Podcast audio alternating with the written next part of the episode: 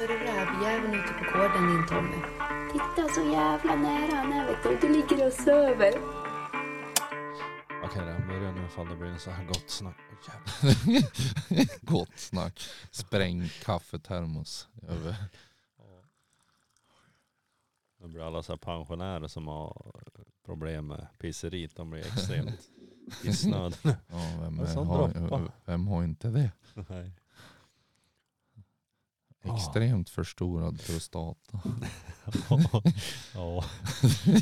Är Något som är stort i alla fall. Ja, precis. Förutom magen. Kallas för Hasse Hängkista liksom på jobbet. Man har många nedvärderande smeknamn det har man. Precis. Vad heter du? Nej, jag vet inte. Nej, fy fan. Nej, men vem vill du höra på podden då Petrus? Inte mig själv. Ja, de misslyckas direkt. Ja, precis. Det är ju pinsamt att höra sig själv. ja, ja jävligt pinsamt. Nej, Einar tycker jag skulle vara jätteintressant. Ja, han och jag pratar med i alla fall. Eh, men han har inte tid just nu, men snart. Ja. Det tycker jag vore spännande. Ja, Faktiskt. Vi är ju lite grann utav en rovdjursjägare tror jag. Eller, ja. eller är man det bara för man startar en podd som heter Rovdjursjägarna? Nej, det skulle jag väl inte hävda att man är. Men sen är, kan man ju ha intresset. Sen behöver man inte ha all, all kunskap. Nej. Det känns som att eh, bara för att man startar en podd så kan man inte eh, allt om just det här ämnet. Men eh, vi har ju ett brinnande intresse och vi är väl i alla fall hyfsat erfarna när det gäller, eller rävjakten kan vi ju lite grann om i alla fall. Ja, sen är det framförallt intresset att lära sig och utvecklas skulle jag gissa på som eh, drivkraft. Ja, precis. Och därför är det intressant att höra lite grann hur andra upplever och vilka erf- erfarenheter de har och kunna dela med sig av. Så ja, man blir inte mindre sugen på att gå ut i skogen och släppa stövarna och vrida framtiden och bli förbannad för han driver rådjur det första. Precis. Det fanns ett rådjur de, inom de närmsta fyra milen och det hittade vi. Ja, precis. Ja, det här är bästa dagen i mitt liv. Ja, ja det är en riktig prestation. ja, ja, precis. Nej, för fan Petrus, ska vi ut och ja, jaga lite eh, bäver och sitta på åtel och jaga gris? Ja, absolut. Vänta, slå mig. Slå, Ja, slå mig hårt det, nu. det blir slap competition nu. Tommy somnar just. ja, precis. Evig dvala. Nej, men det ska vi inte göra. Tror jag. Nej, det är väl för det första ingen jakttid på bäver. Och Nej, just Så. det. Där. det var- var standardfelet. ja. ja. Nej men jag har ju suttit på sådana här grisåtel en gång, inte vet jag eller. Eh, Wille var väldigt sträng med mig och jag fick inte andas. Han, han tyckte att jag andades för högt. Ja, Ja, kanske gör det. Kanske flås. sitter där och stönar. Ja. Tung, ja, men de här tunga suckarna bara. Ja, ja. fy fan vad tråkigt. Jag såg knappt när jag hade inga linser heller. Så Nej, sen var det mörkt då. var mörkt. Ja, och en grön lampa så att alltså, det skulle kunna komma vad som helst där. Ja, Hölken eller någonting. Jag satt, jag satt och liksom andades 50% av min ka- kapacitet och liksom, ja, jag vet inte om jag har fått hjärnskador efter det. Inte helt omöjligt. Det kan låta så ibland. ja. ja, fy fan. Ja men det är sjukt i alla fall. Ja men, Ja. det, ja, men ju mer man pratar med rovdjursägare runt om här i Sverige och deras erfarenheter, ju mer sugen blir man i alla fall på att jaga och det tror jag också ni där ute blir annars. Så ska ni kanske sinnesundersökas eller något. Jag vet inte. Typ. Så. Ja, annars har ni kommit till fel podd där. Man hör ju direkt när man ringer upp någon, den här är ju fan inte frisk. Nej men det är inte jag heller. Ja. Precis. Nej, då, men, nej, men alla är väldigt, många är väldigt drivna och det är därför de lyckas också. Ja, ska man lyckas så måste man ju vara driven. Vad man än håller på med egentligen. Men som sagt, eh, tre dagar i veckan tror jag inte är någon. Men nu ringer vi en skillerstövare entusiast här och så får vi höra vad han har att säga om just den jaktrasen. Det blir intressant i alla fall. Ja,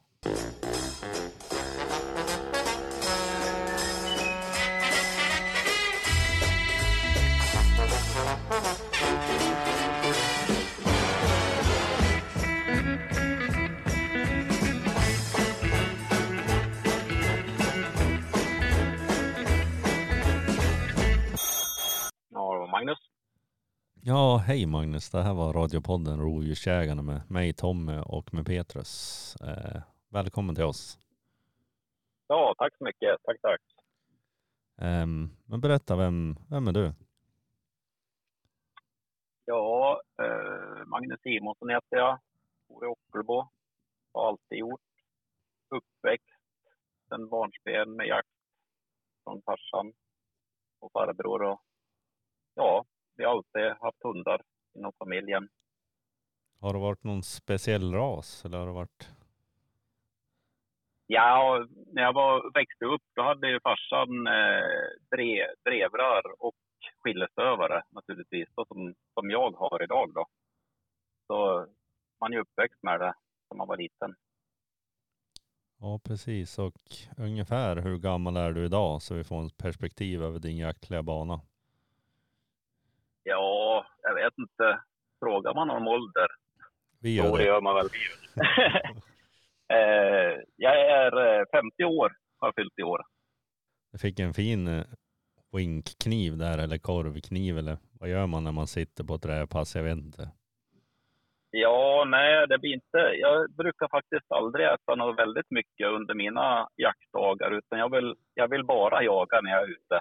Men eh, jag fick en väldigt fin kniv, stämmer det, när jag, när jag fyllde år.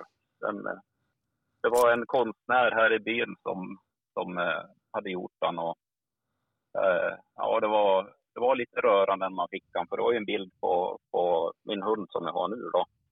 Eh, Gus då, gästekrävens Gus Fast jag jag honom för kurven om, om det är någon som funderar. Nej, anledningen till att det var kurven, det var, det var att eh, när, han var, när han var valp så var han ensam valp i kullen. Och han åt ju så han eh, vart ju alldeles rund som en tjockkorv och han kunde inte gå för han var, ja han var nog fem, sex veckor innan han kunde gå riktigt tror jag. Så där, därför vart han heta kurven. Ja, han är, han är glöpsk även idag eller har det gått till sig det där? Nej, alla stövare jag har haft har, eh, de har inhalerat maten kan man väl säga. Eh, Jag vet inte hur det är med andra stövaraser, men, men de skillnader som vi har haft, de har alltid haft det här problemet. Att de suger i sig maten nästan. Så man får, man får ha sådana här matskålar med grejer som sticker upp, för det tar lite längre tid för dem att äta. I början av din jaktliga karriär, vad var det som stod på, på agendan då? Var det rävjakt även då eller var det hare? Fars, farsan och farbror min, de jagar ju alltid hare och alltid, alltid gjort skulle du höra. Så, eh, det var ju så det började för mig också med min första hund. Att jag, jag skaffade honom och, och började jaga hare. Men eh, då ville jag, jag kände att eh, det började bli lite mycket räv och, och de tog ju hararna som sagt. Så då ville jag börja jaga lite räv på, med hare. Så jag hittade på ett rävspår en dag på skogen och, och började följa efter. Och, och farsan han sa så att den där kan du få följa efter hur långt som helst innan du får tag i den där. Men det gick väl kanske en och en halv kilometer eller någonting sånt där. Då, då tog han upp den där räven och, och sen var man fast, ska jag säga. Det, sen var det rävjakt för, för hela slanten för min del. Och ännu värre var det ju den dagen man skaffade terrier då. Ja precis, vad var det som hände där ute i skogen? Det var, vart det ett bra drev eller var, hur kommer det sig att det blev rävjakt? Utveckla det. Ja, jag vet inte hur man ska utveckla det. det. det bara hände. Det var så fruktansvärt roligt att, att jaga räv tyckte jag. Det är nog alldeles speciellt med, med det ändå. Och så, speciellt när, när det är ett brev och de kommer i, i pass och man får se dem. Och man, för min del är det inte alltid att jag måste skjuta dem heller, utan det, det är så otroligt vackert bara man får se dem. Eh, men den dagen, det, ja det var väl så. Man fick ju se den räven. Och, jag fick inte skjuta den i alla fall, men, men man fick ju se den räven. Och det är en dag man inte glömmer i alla fall. Eh, men sen så fortsätter man ju lite med den där rävjakten. Men det var ju, man kom ju till den dagen när man hade kanske tre stycken rävar som var i gryt. Då, och innan man skaffade grythund. Och då, då försökte man ju på andra vis att få ut dem med, med rök och grejer. Och peta med pinnar och hade sig. Men det var ju oftast med mindre lyckade resultat. Eh, så då, då var man hemma och, och, nästan ställde sig på knä och frågade vad som gällde för, för att man skulle få ta hem en terrier. Så var det med det. Den har du kvar någon sån här rökbomb sedan den där tiden, eller hur är det? Ja, jag har faktiskt någon, någon kvar som, eh, som man inte har använt. Så man, man, man insåg att det, det fungerar Det ska vara väldigt väldigt, väldigt perfekta gryt och man ska få ner dem på exakt rätt ställe. Ett jordgryt, det tror jag i princip att det är omöjligt. Det ska vara lite stengryt, tror jag, som man kan stoppa ner den från lite olika håll. Ett jordgryt har ofta så många gångar och långa gångar så röken kommer inte dit han ska till räven, tror jag. Vad är det som kännetecknar eh, rasen skillerstövare för dig? för mig är det att de är oerhört spårnoga, tar väldigt kalla slag. Har ett bra skall, tycker jag också. Och drevsäker, skulle jag säga. Men det hör väl ihop med, med att de är spårnoga, att de är väldigt drevsäker också. Det är liksom, du har aldrig funderat på att byta ras, utan det skiljer i, du har tatuerat in det på kroppen nästan? Eh, ja, nästan. Jag har faktiskt funderat på att tatuera in skillet någon gång, men ja. jag har aldrig, aldrig kommit slag i saken. Nej, eh, precis. Eh, nej, nej det, det, har alltid varit skille för mig och det har väl med många anledningar att göra egentligen. Och, och alla hamnar ju på samma, till slut på samma ställe. Och det är ju, eh, först och främst är det ju otroligt trevliga hundar, tycker vi. Eh, och jag säger vi, vi då, för vi, det är ju en familj som har, har hundarna. Så utan familjen skulle man nog inte kunna hålla på och jaga så mycket som man gjorde, tror jag. Men eh, först och främst är de väldigt trevliga. Eh, och så de här andra sakerna som jag sa med, med spårnoga och drevsäker och det här. Du har en till också, eller hur är det? Ja, jag har en eh, parningsvalp efter kurven som heter Aska. Och hon är ju ett år nu hon då, så henne skulle bli väldigt spännande med, till hösten och, och börja prova. Hon, hon gick ju lite grann i, i vintras och ja, man släppte, man släppte på henne på någon räv som smet ur och gryt och sådär. Och, och även gick efter lite rävspår. Hon hade ju några drev på rävar i alla fall, men det sköt ju aldrig någonting för henne. vi var vid ett gryt en gång och, och höll på. Och då hade hon drivit ner en räv. Så vi var ju där och höll på att kika. Tog med mig terriern in. Men Sövan, Aska här, då, hon fick springa lös på gryt och, och bara bekanta sig och tycka att det var lite roligt att vara med istället för att bli fastsatt bara. Eh, men eh, hur det var så drog hon iväg ifrån mig, försvann ifrån mig. Och så var det ett jävla upptag bakom mig, därifrån där vi hade kommit. Och då tänkte jag att, vad fan, fick hon tag i det i spåren ändå som, som vi hade korsat när vi gick dit till Grytet? Eh, man är ju misstänksam i, i grund och botten och pessimist är jag ute i fingerspetsarna tror jag innan annat har visat sig. Men jag började följa efter, jag gick efter hennes spår och tittade där. Och då tyckte jag att, eh, det var ju inga älgspår i alla fall, men eh, jag tyckte att eh, jag såg de mårdspår där i drevlösan. Men eh, då visade det sig att hon, eh, hon hade slutat efter ett par hundra meter och driva. Så jag följde efter. Hon kom tillbaka till mig, men vi gick dit igen och tittade. Hon hade slutat vid, det var tre granar som stod i en tallgallring. Det stod tre granar bredvid varandra. Vid den sista granen hade hon liksom slutat.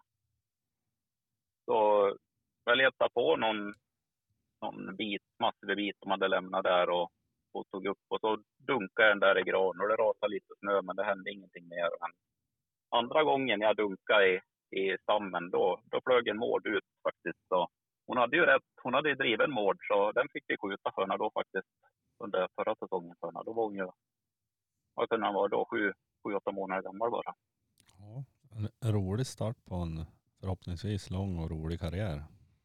Ja, det verkar ju lovande faktiskt tycker jag. Och det är faktiskt den första skillen jag har haft som har varit intresserad av mårdspår också. Så det, det tycker jag ska bli lite roligt.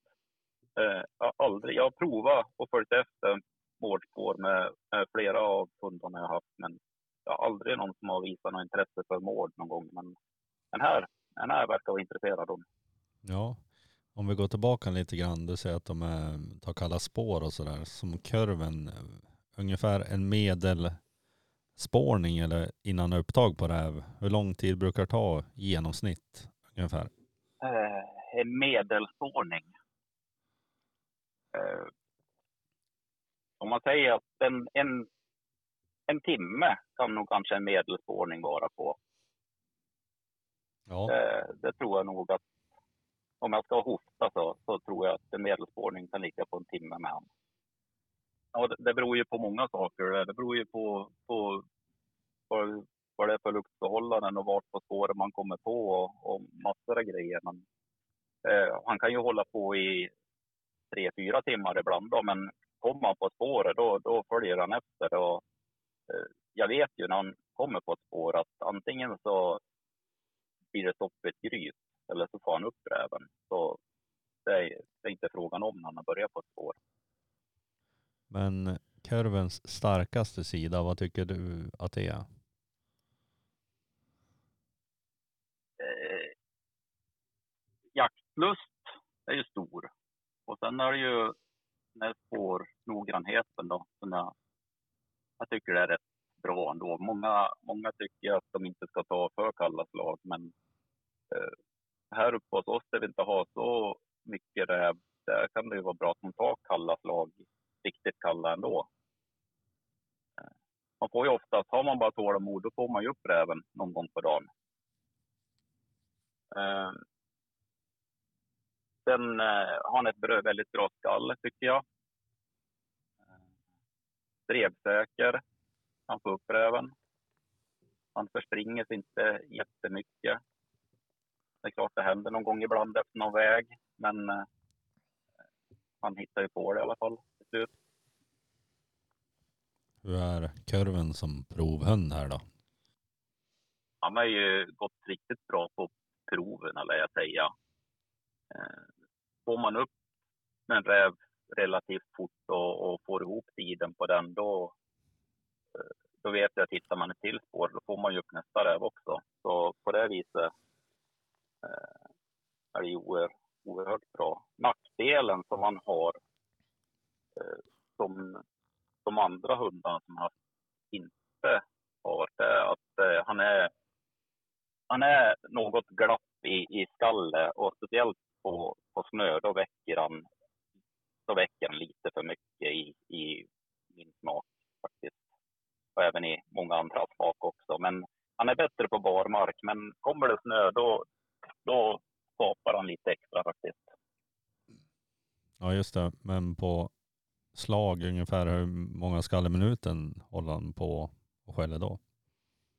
Eh, ja, han kan ju gå uppåt en 40 skall i minuten, 30, 30-40, dit upp kan han ju gå. Men kommer han över 60 skall i minuten, då, då vet jag att då är ju räven uppe i alla fall. Och sen eh, har han ju ett register från 60 upp till 100, 110 kanske, när det går som allra bäst. Hur är hans förmåga att hålla rävarna ovan jord? Är det något, eh, hur upplever du det? Jag tycker att det, det, det kan variera från säsong till säsong och det vet jag inte om det beror på på vissa år då, då har det gått jättebra, då har de gått upp jättemycket. Men sen andra säsonger då, då kan de dyka ner hela tiden. Men eh, jag tycker att med tanke på proven man har gått och så här, då, då har han ju lyckats hålla dem väldigt bra ovanför jord faktiskt. Det tycker jag. Han eh, är ju han är ju ganska snabb ändå. Bara han får bra kontakt med räven, då är han, då är han relativt snabb i skogen. Så då kan det ju gå uppåt en 15-17 kilometer i timmen. Det, så han håller ju ett skapligt tryck på dem i alla fall då. Så han är ju inte så han går efter dem och så, så noga när han när väl får drev på dem eller. Nej, precis. Men hur gick det på SM där de här två dagarna? Eh, ja, då pratar ju helst om det här sista SM som vi var på. Vi lyckades ju ta oss till, till ett innan också, men det här sista SM, det gick ju fantastiskt bra det. Eh, det lär jag säga. Eh, vi var ju nere i Småland och det har jag ju startat några gånger på prov på den här Smålandsräven som var det också, men det här gick ju på, vi var ju på lite andra platser nu då, men eh, första dagen då, då hade vi ju barmark. Otroligt fint var det ute. Eh, och det tog inte väldigt lång stund innan han fick upp första räven faktiskt. Så den såg vi nog inom fem, tio minuter tror jag det. Vi, vi såg den räven. Ja, inom tio minuter såg vi nog den räven. Eh, då hade vi inte gått ifrån stället där vi hade släppt hunden. Så, men eh, det tog nog bara två minuter ytterligare eller någonting sånt där. Då dök den räven i gryt faktiskt. Så då vart det en ramsa, men det var ju bara att ta nya tag. Men jag tog eh, det var inte långt ifrån där vi stod då som man gick i gryt faktiskt. Och vi hämtade hunden och så släppte vi om igen på samma ställe där vi hade börjat. Och han hittade faktiskt ett nytt slag som man började gå på eh, relativt fort och, och reste den räven och, och den rev han ihop full tid på. Så vi kopplade han på drev faktiskt. Och sen eh, fick vi upp ytterligare en räv den dagen jag hade ihop den, den andra räven då. Så jag hade tre, drev på tre rävar den dagen. Ja. Men eh, på sista räven då, då fick han en vägtapp på ett ställe. Så det dröjde nog kanske 20 minuter innan han redde ut det. Han gick tillbaka lite för långt på, på drevlöpan och, och letade var han hade tagit vägen. Så det tog lite tid för honom. Så han tappade någon poäng där faktiskt på, på grund av det. Men eh, förutom det så gick det klockrent hela dagen. Mm. Och sen eh, dag två, eh, då fick vi åka upp på småländska höglandet. Och, ja, första dagen hade vi barmark, men andra dagen då var det nog ja, det var nog en och en halv decimeter snö som låg mest på, som det var skare på. Så det var ju, ja, jag vet jag hade nog inte släppt i det före om, om det har varit en vanlig jaktdag. Det tror jag inte. För, för så skarpt var det. Mm. Men eh, han fick ju tag i ett lag i stort sett där vi hade stannat. Det finns ju fruktansvärt med vilt bara man kommer en bit söderut, så det är ju helt fantastiskt. Det, det är helt annorlunda att jaga söderut i Sverige, eller säga. Men, eh, han fick tag i ett slag på en gång som han följde och sen det hade tagit det tog nog precis dryga halvtimmen ungefär. Då, då resan första räven den dagen. Och relativt fort så kommer den förbi. Och så visar upp sig efter, ja, det tog kanske fem minuter så visade han upp sig. Och sen buktade den räven runt otroligt fint nere kring en liten sjö väldigt länge. Eh, så han drev ihop full tid på den. Då skulle vi försöka få tag på honom och eh, med detsamma när vi kommer däråt där, där vi skulle försöka ta honom då, då, går faktiskt, vi misstänker att den räven gick i gryt där. Mm. Då, för han, han ty, tystnade av på ett ställe så, och då ropade jag in honom. Så, så han kom ju till mig på en gång då. Eh, sen var vi och släppte på ett nytt ställe då, så fick slag relativt fort igen. Det kanske tog 20 minuter, en halvtimme, kanske tog dryga halvtimmen, då, då reste han den räven också. Eh, då gick det lite långsamt i början för honom, men det, det berodde nog på den där skaren, för han, eh, eh det tog nog ganska hårt på tassarna den som var den dagen, men han, han gjorde ju jobbet som sagt var, det han skulle göra. Och, och jag är faktiskt imponerad över hur han, han lyckas den där dagen med det. Men han tog upp den räven och, och han fick ju bättre tryck på honom med tid. Så till slut så det, jag tror att skaran vart lite mjukare ju längre fram på dagen det gick, för det vart att gå bättre för det. Så vi kopplade på drev på den räven också. Och då var ju provdagen slut i stort sett. Så. Eh, tillräckligt med tid hade gått i alla fall så vi kunde koppla.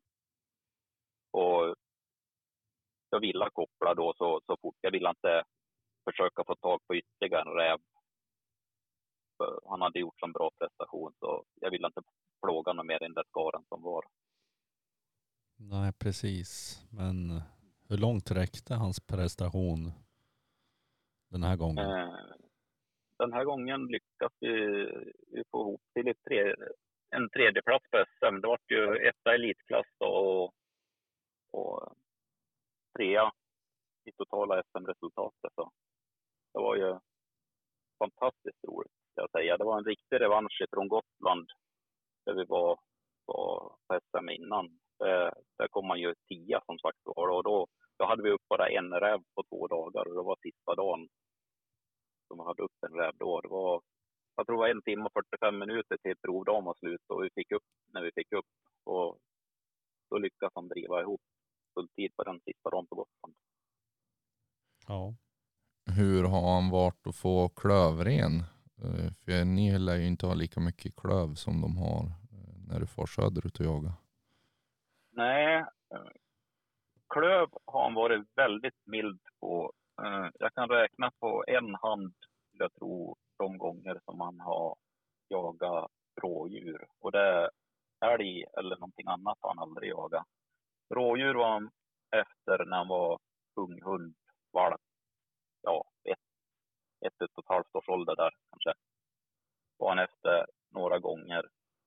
Eh, men jag tror att eh, jag fick hjälp av våra egna hästar och, och få han klövren. För Eh, sista gången han, han eh, jagade, jagade några rådjur, då hade jag hade släppt han hemma hos mig på åkrarna. Där jag hade sett en räv tidigare på dagen. Sen släppte jag på honom på det spåret när det kanske var två timmar gammalt.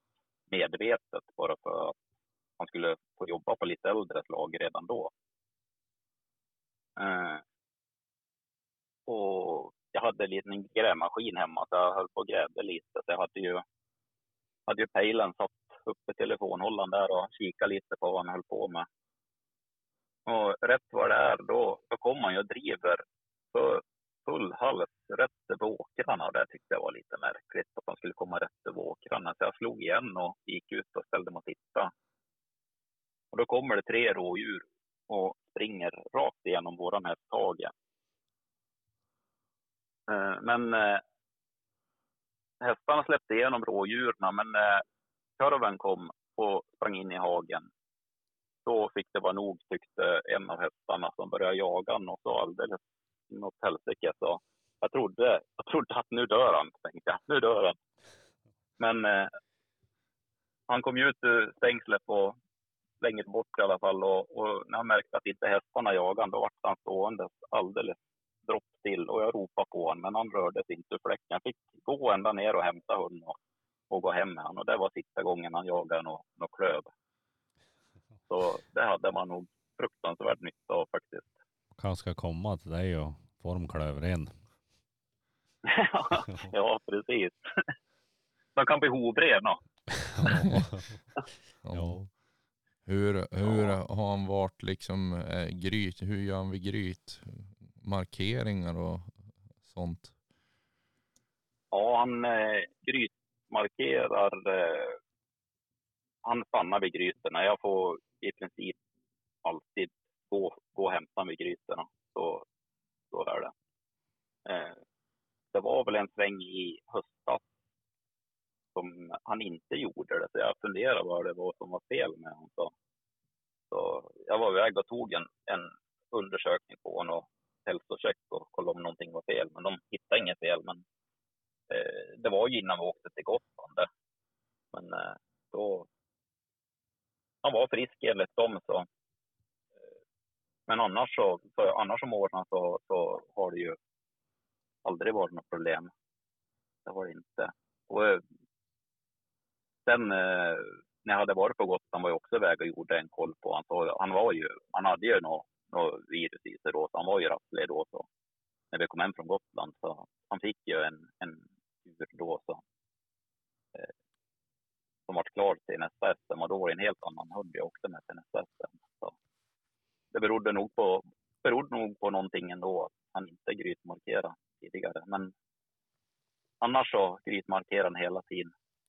Väldigt kraftigt. Han, han försöker ju krypa in i, i grytorna så långt han kommer. Och han har även krypit rätt igenom några grytor när jag hittar på honom. Så. Har han alltid varit så eller har det kommit efter att det har skjutit Han har alltid gryta? varit så. Ja, han har alltid varit så. Men eh, mamman till han, hon var väl lite mildare. Hon, hon kunde vara kvar vid grytorna en kvart kanske. Eh, och stöka runt riktigt rejält vid grytorna. Sen, sen lämnade hon grytorna. Då gick hon tillbaks 500-600 meter på bakspåret. Och så vände hon om och stack tillbaka till Grytet igen. Och då hade det hänt någon gång faktiskt att rävarna hade gått ut när hon hade försvunnit. Så hon lyckades ju med det där knepet någon gång själv faktiskt. Och, och då vart det ju drev igen när hon kom tillbaka då, för då märkte hon att räven hade gått ut. Men eh, hade de inte gått ut då, då kom hon tillbaka faktiskt. Men hon, det var ju en rejäl grytmarkering hon gjorde i alla fall, så när hon var kvar en kvart då. Så, Ja, precis. Det är ju huvudsaken man liksom kan utläsa att det är gryt. ja, det, det är en väldig nytta av det faktiskt. Det, det är svårt när de bara, om de bara slutar och vänder mitt i skogen och, och kommer tillbaka. Men ja, det är olika på olika hundar hur de beter sig det där. Jo men exakt. Vad har du för terriers då? Eller terrier? Eh, idag har vi en terrier kvar. Och det är en egen uppfödning det också. Vi har ju fått upp lite foxterrier också. Eh, hon är ju 12 år idag så det, det börjar väl kanske bli dags att man ska skulle ha haft någonting annat. Men nu hade jag som tur så en annan kille i byn skaffade en, en en liten foxterrier som, som ett år nu i sommar. Så jag hoppas att vi kan använda den till det man skaffar något eget själv. Ja. Tyvärr så, du hade ju, du har ju hållit på med lite uppfödning på den som sagt var, så tanken var väl att vi skulle ha, ha tagit valpar efter den här vi har kvar nu också, men då ville man ju meritera dem i, i, i gryt först då. Och idag så är det ju mycket lättare med det här grytmeriteringen, kan jag tycka då, eh, när man får starta i skogen på en gång. Eh, tidigare så lärde man ju meritera dem i ett konstgryt först. Och det var det som var problemet med, med det- henne som vi, vi har kvar, att hon, hon ville inte hon ville inte gå, hon ville inte skälla på, på djuren i konstgrytorna. Helt omöjligt. Men i naturen, där har hon funkat hur bra som helst. Jo, precis det där har jag varit med om också med en, en terrier. Att heter det, det är massa hundar som inte ska vara i de där konstgrytorna som har gått ner och pissat ner sig av för att de har blivit rädd. Och då vill inte, Ja, vad heter det, ja men våran egen hund gå in sen för att det luktar. ja, det, det, ja, det är märkligt. Det. De, och de, en del, de, de verkar inte vara rädda på det viset, utan eh, det är, helt, det är onaturligt liksom för dem att gå in i det eller vara i det. Så de vill inte bara. Ja, hon tycker ju sen när, när man väl har kört igång dem i, i lådgryt igen då så är det tråkigt för de kommer inte åt grävlingen så att säga. Ja, Utan ja ett så kan det också vara. galler emellan och då är det inget kul. Hur många skillerstövlar har det blivit genom åren här då som du har haft? Men här aska som jag har nu då som är ett år, då är jag inne på min sjätte skillestövare. Egna då. Har de all, alla varit, vad heter det, rävhundar då? Eh, ja, det har det varit. Det var ju Mick då som jag hade från början, min första, som jag jagade lite hare med. Och jag tog ju fram till champion på hare också faktiskt. Men eh, eh, han började jaga enbart räv med sen på slutet. Ja. Och, och sen är det väl räv, rävhundar som jag har inriktat mig på. Eh, Det är inte så att jag har skaffat några speciella rävlinjer eller någonting utan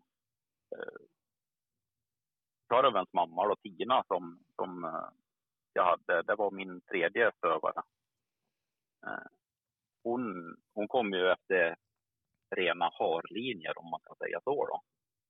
Eh, de var harmeriterade hundarna i alla fall som hon var, var ifrån. Och, men eh, jag jagade ju enbart räv med henne. Det är klart hon gick och, och skrotade in och harslag någon gång ibland. Men, men eh, då sa jag bara åt henne att det, det skiter vi i. Och så gick vi därifrån och, och fortsatte. Och, och det vart bara rävjakter ändå till slut. Liksom. Även fast hon gick och skrotade på någon hare ibland.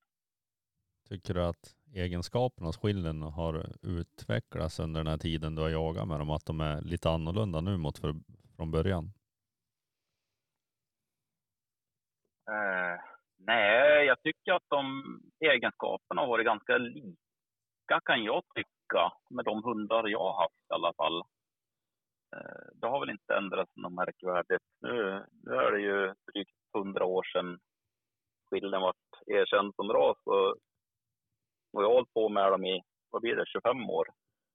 Så det är väl en, en liten en liten del av tiden som skillnaden har funnits som jag har hållit på med dem. Men under de här 25 åren så har inte egenskaperna på hundarna som jag personligen har haft ändrats ännu i alla fall. Eller, det tycker jag inte.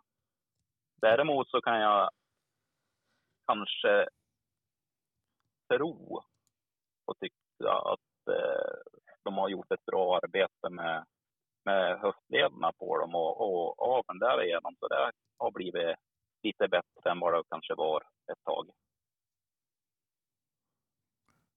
Vad tycker du är den viktigaste egenskapen hos en för att få till en bra rävhund? Ska kallas lag. Absolut viktigaste tycker jag. Eh, även spårnoggrannheten tycker jag är bra. Eh, det är nog de två viktigaste kan jag tycka. Sen är det ju trevligt om de har ett bra, jäkla bra skall naturligtvis. Eh, då njuter man om man får höra det. De flesta, om man pratar om skillerstövare, är ju att de tar lite kallare slag och, och är väldigt spårnoga.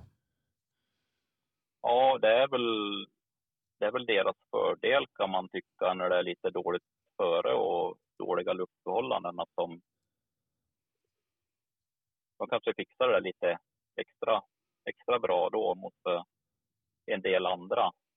Nu är det säkert många, många andra stövare som fixar det minst lika bra, det skulle jag tro. Ja. Men eh, jag tycker att de har, de har tagit otroligt kalla slag och löst det på ett bra sätt tycker jag, de hundar jag har haft i alla fall. Ja, precis. Vad heter det? Men du sa det, det han har inte varit intresserad av någonting annat. Lodjur, eh, björn. kurven har inte varit intresserad av någonting annat överhuvudtaget. Det, är- det står nog gräv i, i öronen och ögonen och huvudet på han. Det, jag vet att släpper jag han, då är det räv han får upp. Så, så har det varit alltid liksom, förutom då när han var de där första ungdomssynderna med rådjuren. Men efter det då har det ju inte varit någonting annat. Han har sprungit på en hare en gång i sitt liv. Jag såg inte haren, men jag eh, kan inte tänka mig att det var någonting annat. Det var ett riktigt sånt där skrikupptag och så skällde han i fem sekunder. Sen slutade han och så kom han tillbaka. Så det var ingenting, inget roligt att hålla på med tyckte han. Så ingenting, men ändå, vi har ju mycket björn och sånt där. Jag har ju försökt med björn på honom. Eh, men han har tagit upp räv istället. Vi har ju havreåkrar där björnarna kommer ner här och käkar hela höstarna. Och, så det är ingen brist på björn här. Eh, men det, nej, det är bara räv som man vill jaga faktiskt. Dina andra föregående stövare, hur har de varit då på de andra rovdjuren? Eh, den första stövaren jag hade, han eh, jagade jag faktiskt lodjur med eh, ett par gånger. Men en gång då, då var han riven av lodjuret. Så efter det var det så jävla roligt tyckte man faktiskt. Men eh, jag vet inte om det var... Det är svårt när de är själva. Man ska nog ha två hundar på, på, på de där större rovdjuren skulle jag tro. För de ska klara sig lite bättre i alla fall. Sen, sen kan vi, han ha varit lite för het också naturligtvis. Eller troligtvis var han väl alldeles för het. Så han, han gick för nära. Eh,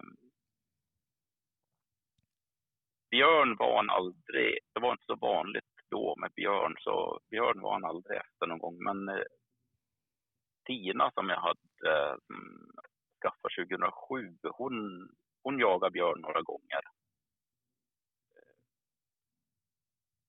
Så hon var intresserad av det och hon jagade även lo också. Men hon, även hon var driven av lo en gång. Så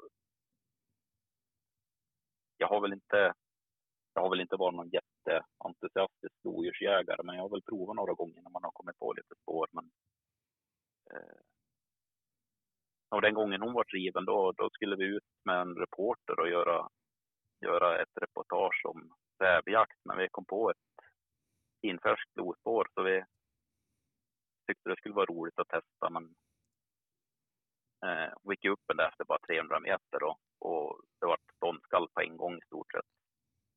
Och vi flyttade oss lite närmare och, och så hör vi att det händer någonting nere i skogen De skriker ju rätt ut. Så jag sprang ner och tittade och då var det ju fullt av blod i snön där, där de stod. Och de stod i ett dike och, och bara skrek i vild förtvivlan.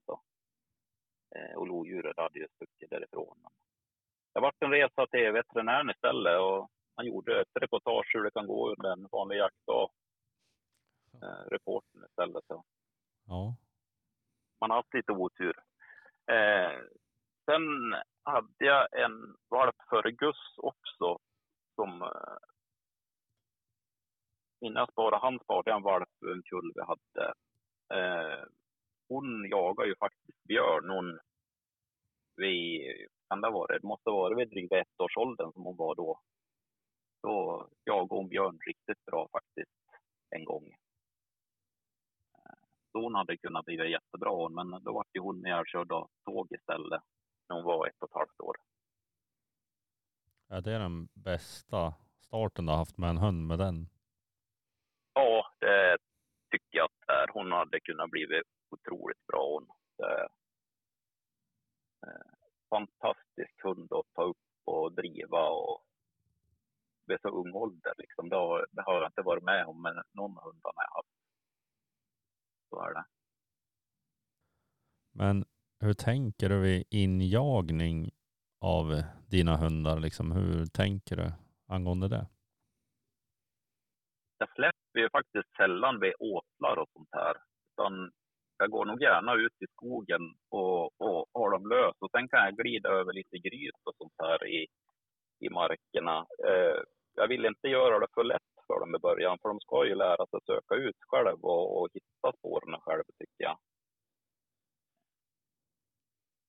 Så jag är inte någon som släpper på synopsar och, och spår och sånt där. Visst, visst kan det, man göra det någon enstaka gång, men det är inte så att jag, jag försöker göra någon sån någon rutin att göra. Utan eh, jag vill nog gärna försöka få dem att, att, att söka ut och hitta, hitta spåren själv. Och, när de är ung, eh, ja vad ska jag säga, ung då, under, under två års ålder.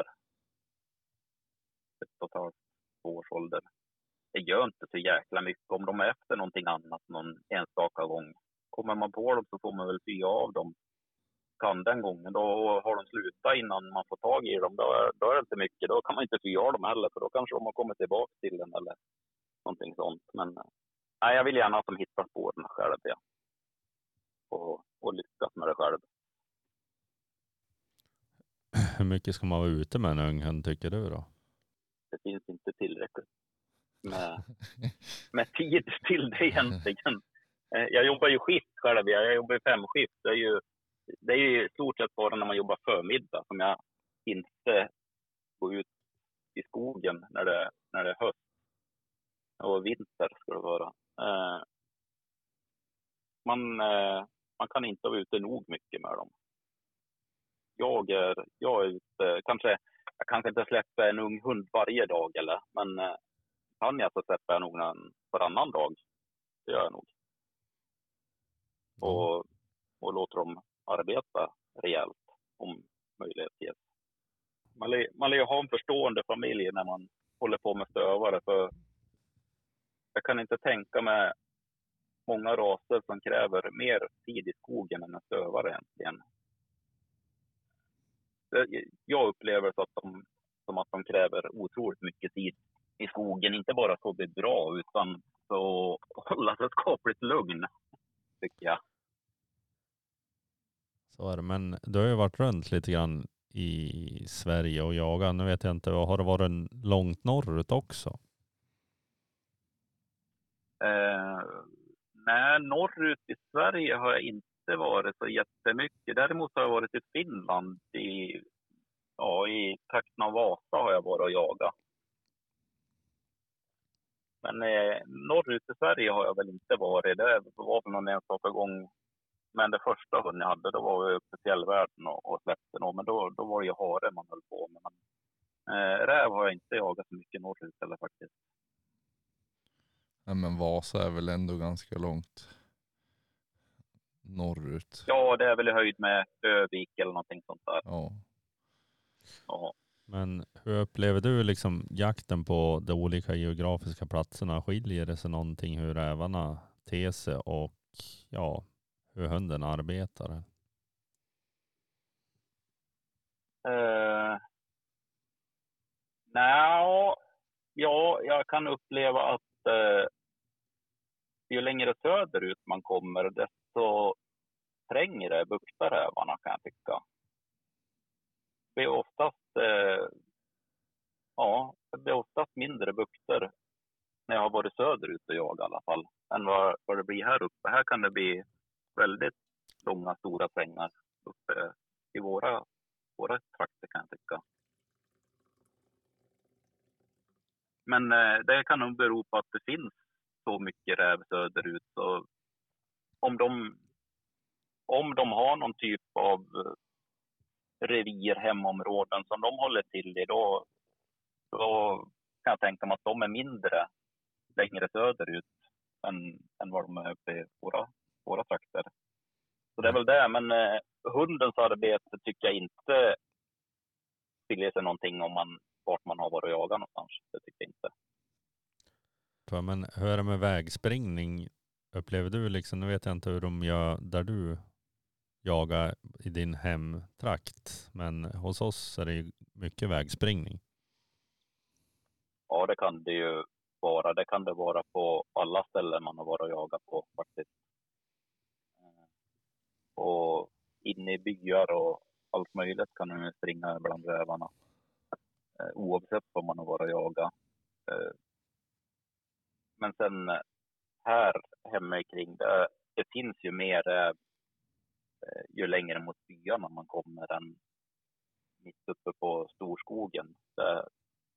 Och de rävarna är nog lite skyggare, men de här som håller till längre ner mot byarna, de är ju vana att röra sig när de är alla kåkar och vägar och folk. Så nog kan det ofta bli vägspringningar eh, och långa sträckor ibland då. Ja, men när, när den är långt söderut och jaga, då eh, tiden till upptag, är den kortare där också då? Ja, den brukar vara kortare när man kommer neråt. Det brukar vara. Där får man vara glad om man får ihop en halvtimme innan, innan de, ja, om man är nere och går prov, då, vill säga, då, ska de ju, då ska de ju gå på slag i en halvtimme innan de tar upp räven. Eh, och det kan vara svårt att få ihop söd, ju längre söderut man kommer, kan jag tycka. Eller ju längre söderut, ju, om man säger nedanför Dalälven, börjar det ju redan bli mycket, mycket vilt. Så, eh, det blir kortare, kortare slagarbete och snabbare upptag längre söderut, det tycker jag. Ja. Absolut. Är det någonting mer du vill säga om just skillerstövare här så ska vi gå över till dina bästa jaktdagar här. Nej, jag har väl sagt mycket, men det är ju... Jag tycker att det är otroligt trevliga hundar. Eh, barnvänliga har de varit allihop och haft. Eh, lite översocial kan de också vara, kan jag tycka. Eh, de är inte någon som går undan när det kommer folk. Det är snarare tvärtom, att de ska krypa upp i dem och gärna in i dem om det går. Ja. Men sen så rent jaktligt, där är det ju att de har haft bra skall och, och eh, spårnoga, repsäker. Ja, hög jaktlust. Det är ingen, det är ingen som har kommit tillbaka och vill sluta för dagen av, av hundarna jag haft. Det, det är en skilder jag haft. Hon, hon var väl lite hon var osäker hela hon. Så det, det, är bara en jag har haft av de sex jag haft som inte blivit någon stjärna som jag har eh, kunnat starta på prov överhuvudtaget. Hon var jätteduktig upptagare. Eh, drev en halvtimme. Eh, sen eh, sen lär hon, ville hon kolla var jag var någonstans. Då, då kom hon tillbaka till mig. Då, då fick jag liksom följa efter när dit hon hade släppt. Och då, då kunde hon ta upp igen och driva. Men det gick ju en halvtimme så kom hon tillbaka igen. Så. Men eh, det, är en av dem jag haft som har varit på det viset bara. Men de andra har ju funkat hur bra som helst kan jag tycka. Ja, precis. Men berätta en, din bästa jaktdag här då. Ja du, som jag har funderat över det där. Mest minnesvärda. Eh, otroligt många bra jakter har man ju haft och det är säkert några stycken man har glömt bort också. Jag har två stycken som jag står väger mellan. Men... Eh, Berätta båda, det är helt okej. ja, vi, den ena då, det var ju med den första hunden jag hade. När jag hade börjat jaga räv med den. Då, då var det ju relativt mycket räv faktiskt på, på markerna tycker jag. Och vi var ett gäng på, kanske var fem, sex personer som, som skulle ut och, och prova då. Och eh, vi hade ju tittat ut lite fast där de skulle ställa ut, så de smög ut så försiktigt de kunde allihop. Och jag gick upp ovanför farsan, så han for och släppte. Och hade hade ett tänkt område där vi hade hoppats att räven skulle gå. Då. Eh, det tog väl inte så jättelång stund förrän, förrän eh, Mick tog upp den där räven. Och drev han otroligt fint och det buktade runt i precis det där området där, där vi hade ställt ut oss. Eh, och faktiskt så var det så att allihop som var ute den dagen eh, fick se räven minst två gånger.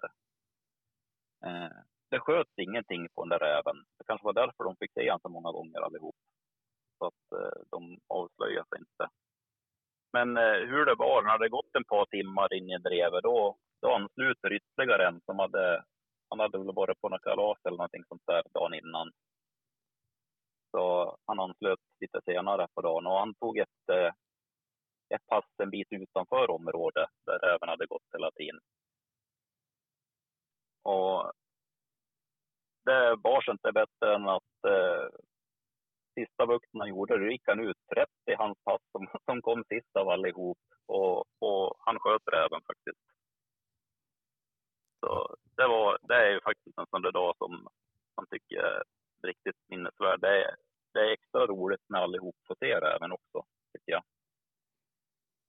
Ja, absolut. Framförallt Ja. är det väl lite ovanligt att de lyckas och inte röja sig. Folk Ja, jag tyckte det var räv. otroligt märkligt faktiskt.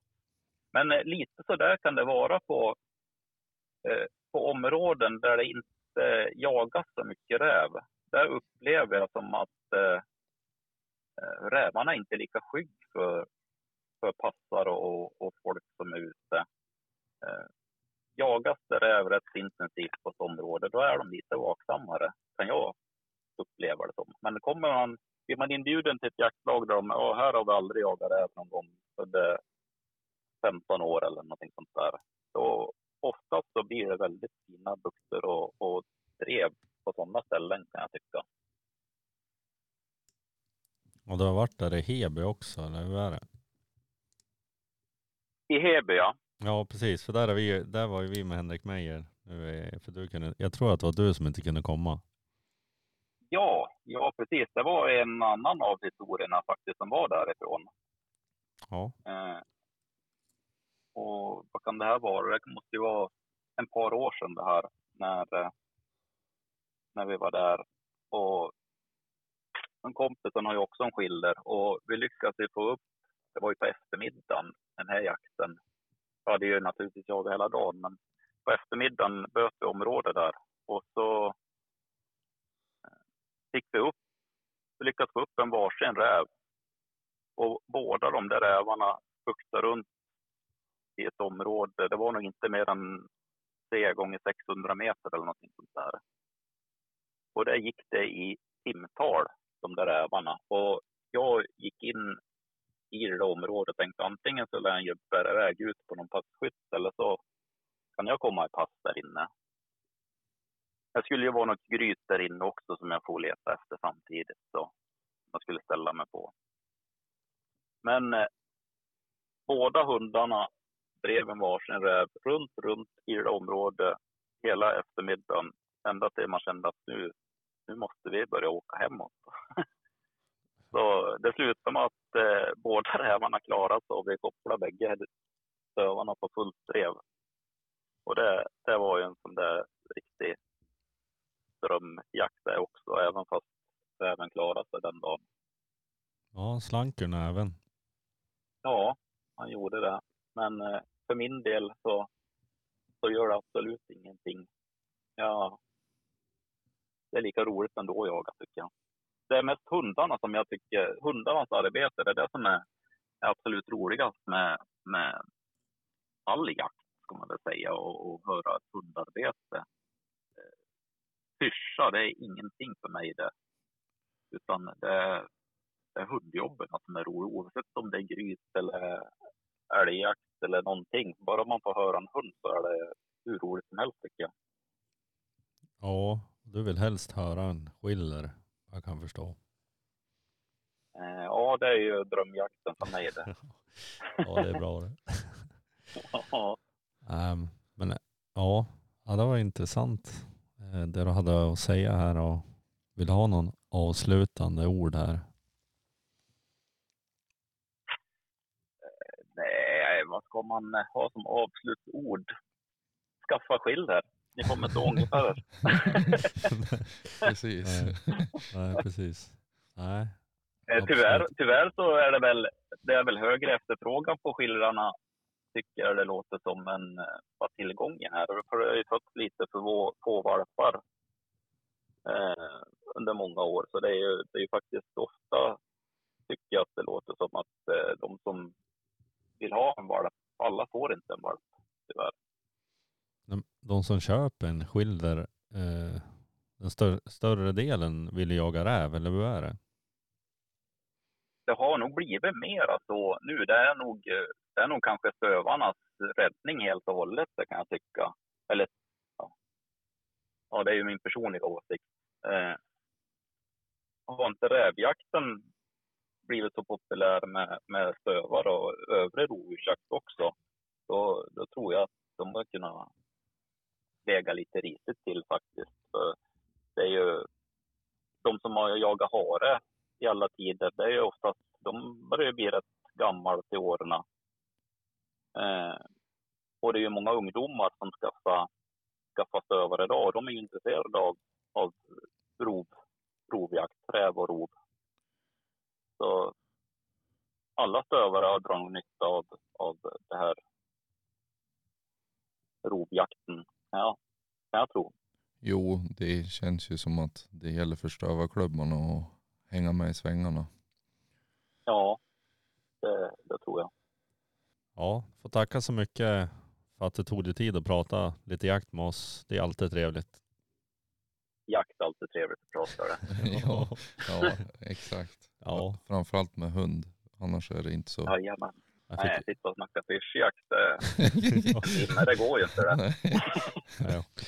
Nej, men Ja. det får de andra. Eller de som är intresserade av det, de som inte har hund. De, ja, då kan jag förstå att det finns en viss tjusning kanske att sitta där och pyscha, men nej. Ja, är man jaktintresserad och kanske är allergisk eller någonting sånt där och fortfarande håller på med jakt, då är det väl inte fel med pyrschjakt. Det, så är det ju. Och det finns ju mycket sådana jakter att hålla på med också. Så. Det finns något för alla. Ja, får tacka så mycket för den här gången och skitjakt på det här i 21 augusti för jag antar att du släpper då. Jajamän, skitjakt på er själv. Ja, Jag längtar så jag håller på att dö, tror jag. jo, jag hör det. ja, Ja. He- hej då. Tack så mycket. Hej då. Tack så hemskt mycket. Ja.